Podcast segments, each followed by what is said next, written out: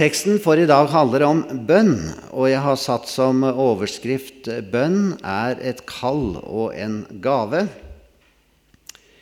Eh, jeg setter det inn i tidsalderen vi lever i, og får dere opp den powerpointen, så er jeg glad for det. Ja, bønn, et kall og en gave. Tidsalderen som vi lever i, den er karakterisert av akkurat det Jesus sier i sin avskjedstale i Matteus 24. Folk skal reise seg mot folk, og rike mot rike, og det skal være hungersnød og jordskjelv mange steder. Vi tenker ikke så lett i folkegrupper, men det gjør Bibelen, og vi ser folkegruppene står mot hverandre. Vi kjenner igjen dette med hunger og jordskjelv. Og vi blir ganske matte når vi tenker på det, men midt oppi det hele så skal misjonen ha framgang. Dette evangeliet om riket skal forkynnes i hele verden til et vitnesbyrd for alle folkeslag, og så skal enden komme. Når et sånt bilde blir beskrevet med disse versene, så kan en føle seg veldig liten ikke sant? og hjelpeløs. Hva kan lille jeg gjøre i en så vanskelig og utfordrende verdenssituasjon? På denne bakgrunn syns jeg det er fint å kunne ta fram teksten for denne søndagen, som står altså i Matteus 7, fra vers 7, fra Bergprekenen. Be, så skal dere få.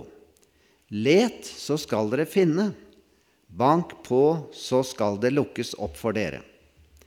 For den som ber, han får. Og den som leter, han finner. Og den som banker på, skal det lukkes opp for. Eller hvem av dere vil gi sønnen sin en stein når han ber om et brød? Eller gi ham en orm når han ber om en fisk?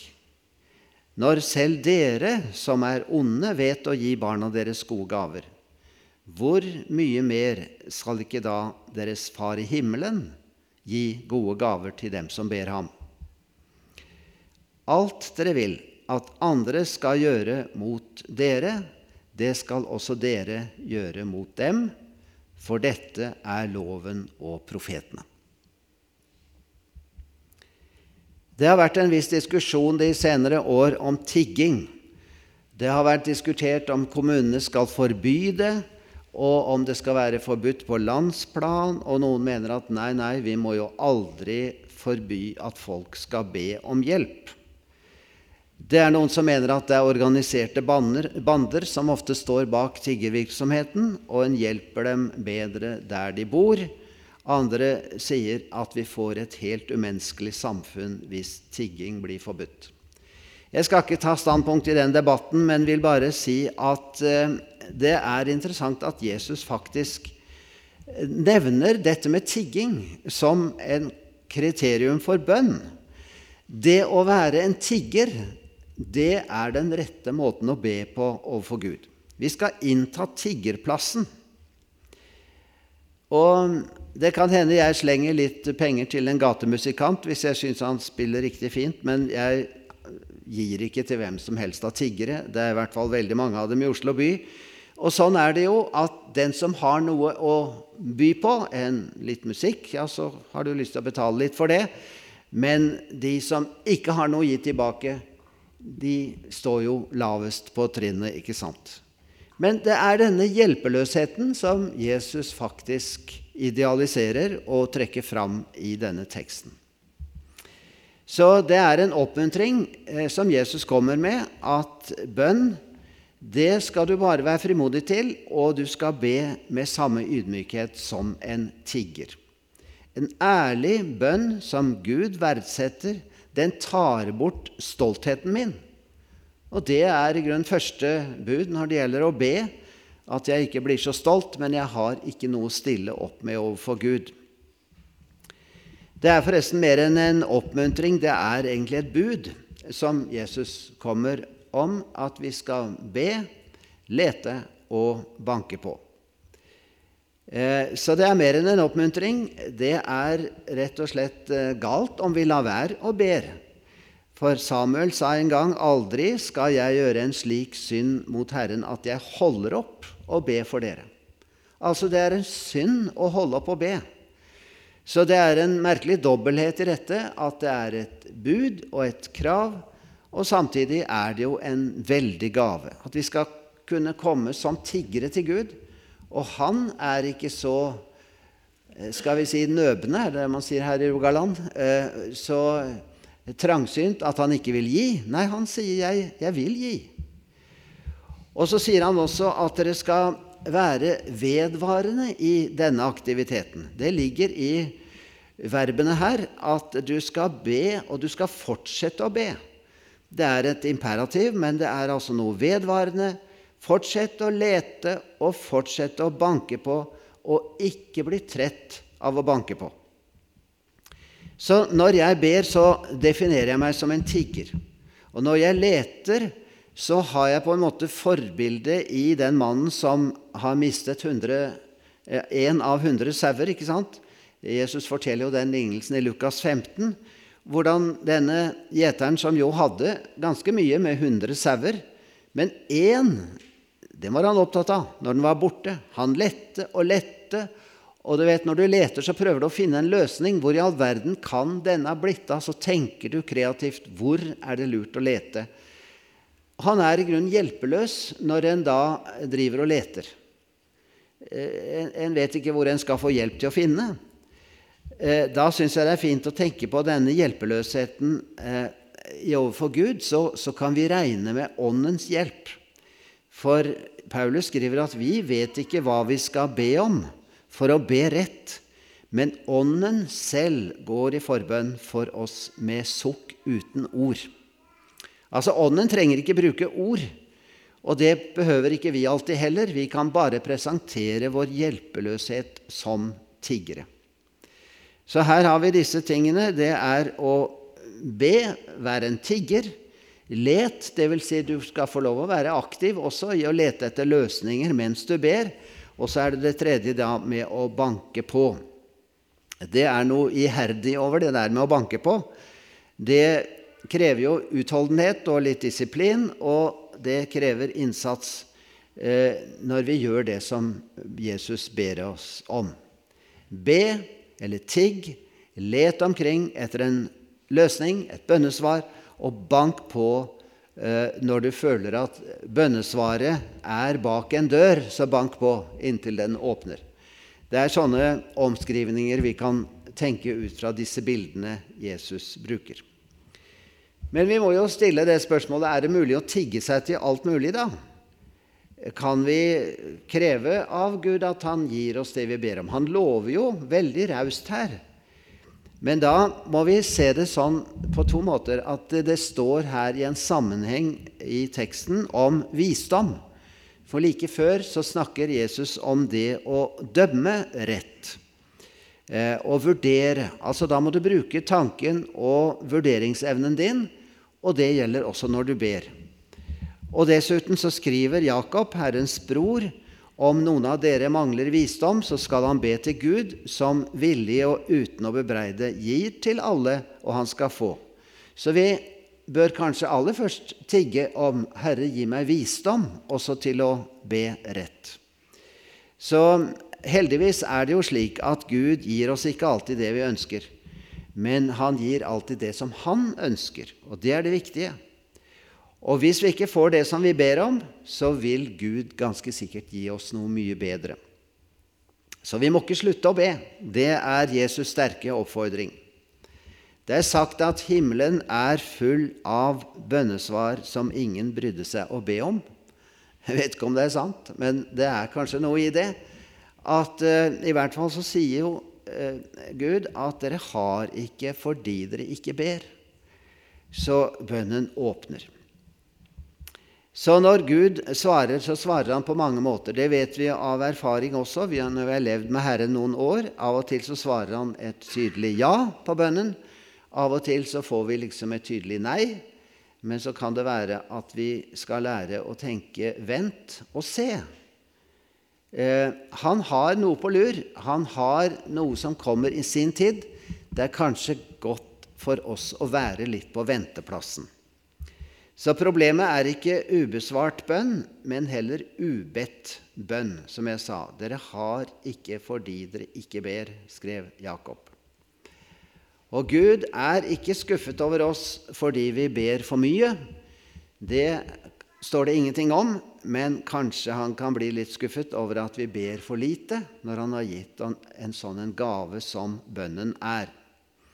Så hvis vi ikke ber, så gir vi ikke Gud en sjanse til å svare og gi det som er godt, i noen tilfeller. Dette er ikke magi, det er ikke noen formel, men det er et evangelium. Samtidig som det er et bud at du skal be, men det er kanskje først og fremst en gave. Ja, jeg vil si den som kaller bønnen en nøkkel til himmelens skattkammer det er ikke noe dårlig, dårlig, bilde. Og det har du i din hånd, i dine foldede hender, en nøkkel til himmelens skattkammer. For en gave. Så er det noen som tenker sånn Går det an å bry Gud med småting, da? Ja, hvis vi tenker på det, så er nesten alt det som angår oss, det er småting for Gud, som er så stor. Og vi kan si at eh, vi, vi, burde ikke bry han med det. Nei, han har oppfordret oss til å legge alle ting som vi har på hjertet, framfor ham. For når alt kommer til alt, så er alt i våre liv, som jeg sa, småting for Gud. Det er ikke noe som er for lite å be om.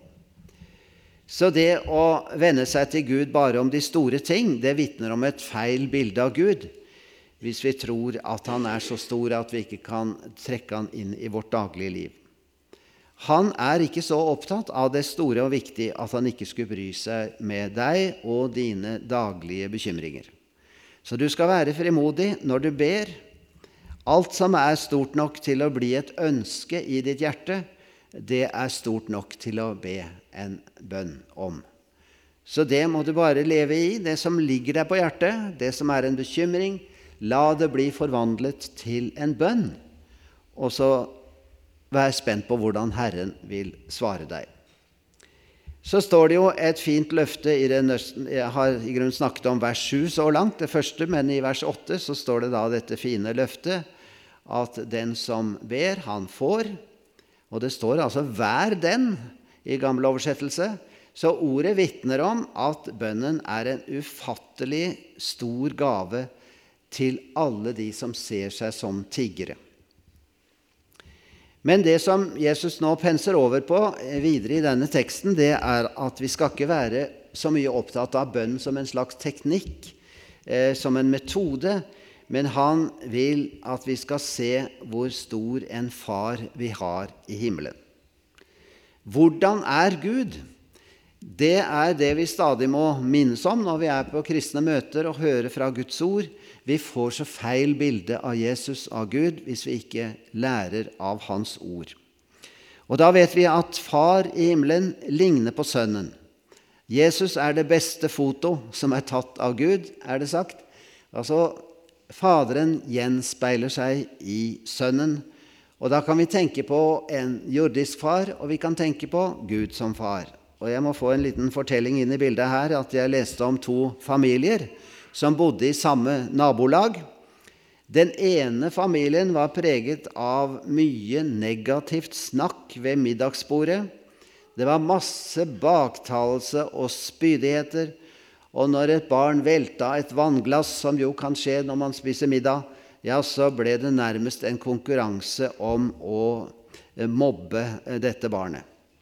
Men så var det i nabolaget en annen familie og denne gutten som hadde velta glasset, han gikk og hørte på stemningen i det andre huset, og han hørte noe helt annet. Der var det en hyggelig tone rundt middagsbordet, godt humør og masse latter.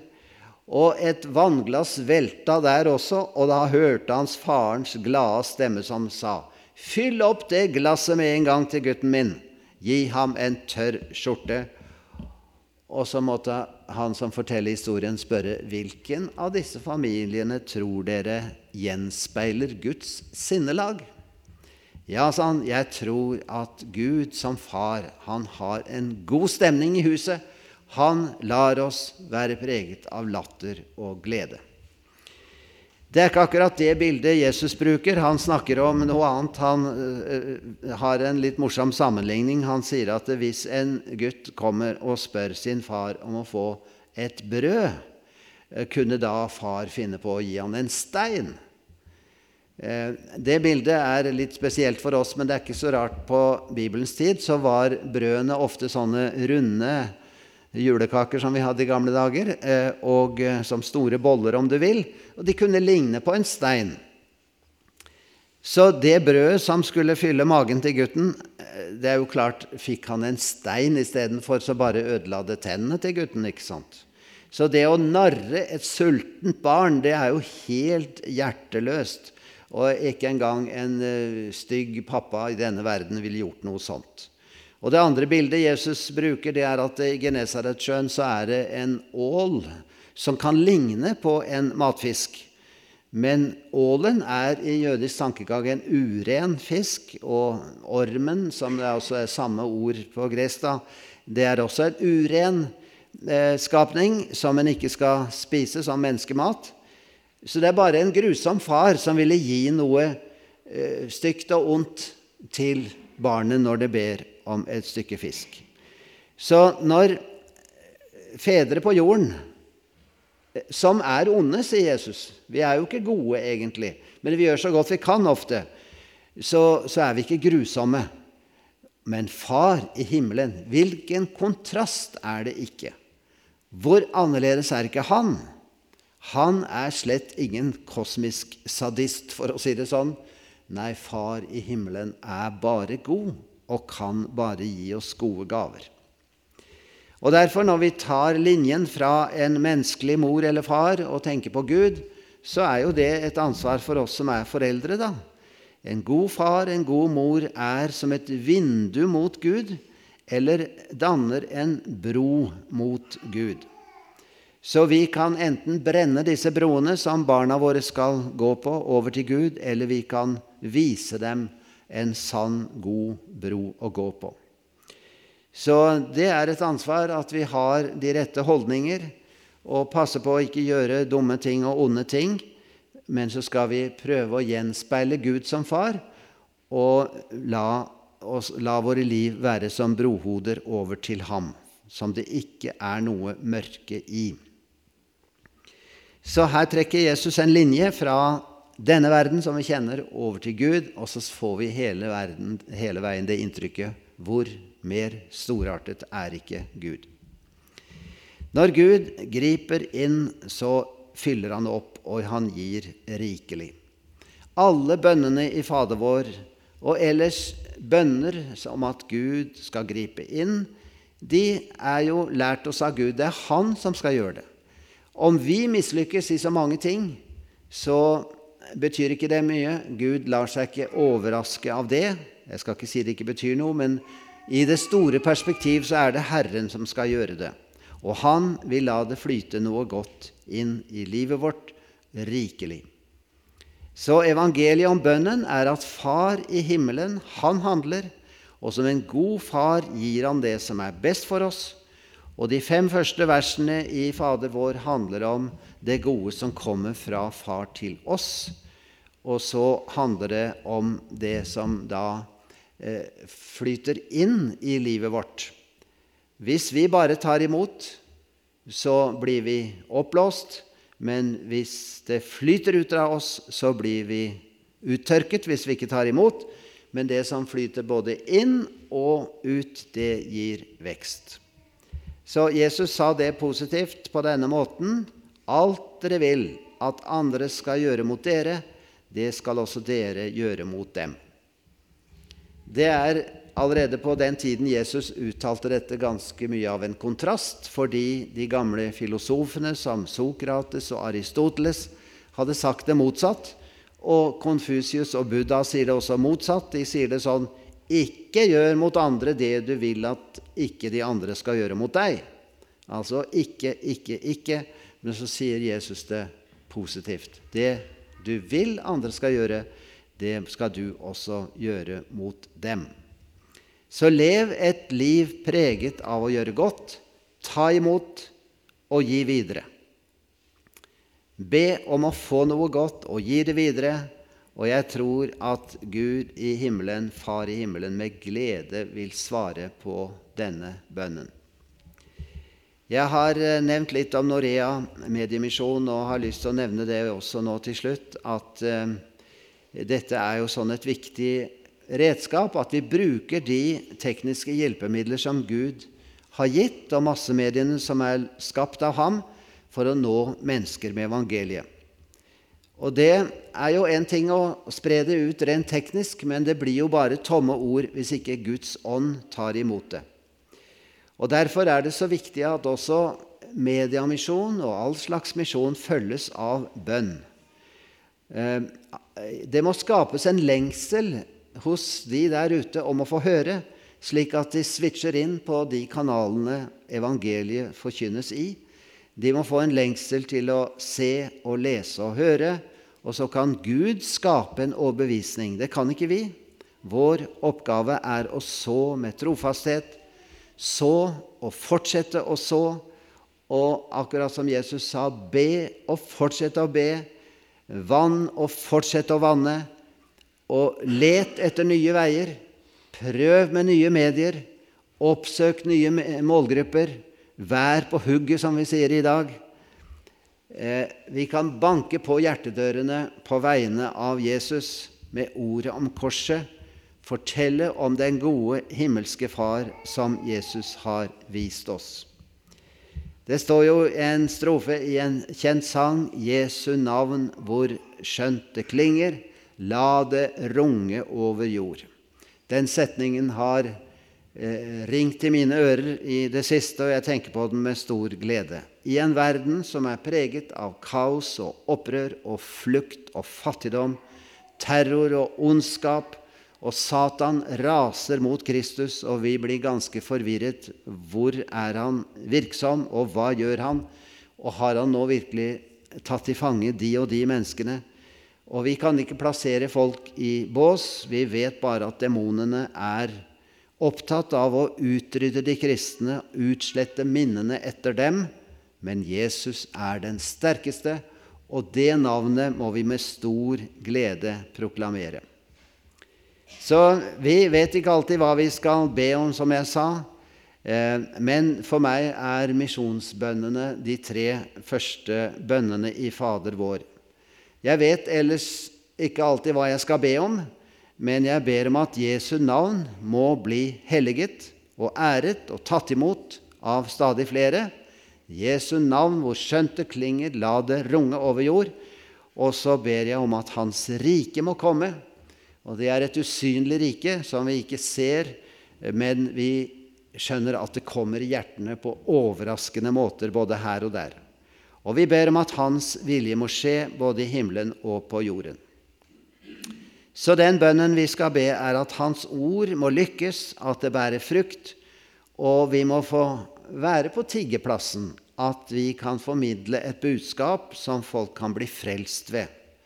Og så skal Herren fremme sitt verk på tross av vår hjelpeløshet og vår svakhet. Så takk for at du også vil være med i dette. Skal vi be sammen. Kjære Jesus, nå kommer vi på ditt ord, og vi stiller oss på tiggeplassen og ber om din godhet og velsignelse over våre liv og vårt tjeneste. Hjelp oss å få være dine med en åpen himmel over oss med syndenes forlatelse og i lyset fra deg. Og vi ber, Herre, om at du viser oss hvor vi skal lete, og hvor vi skal banke på, og at vi ikke gir opp i den tjeneste du har gitt oss. Herre, la ditt ord lykkes.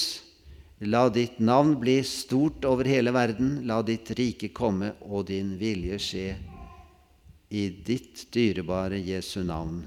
Amen.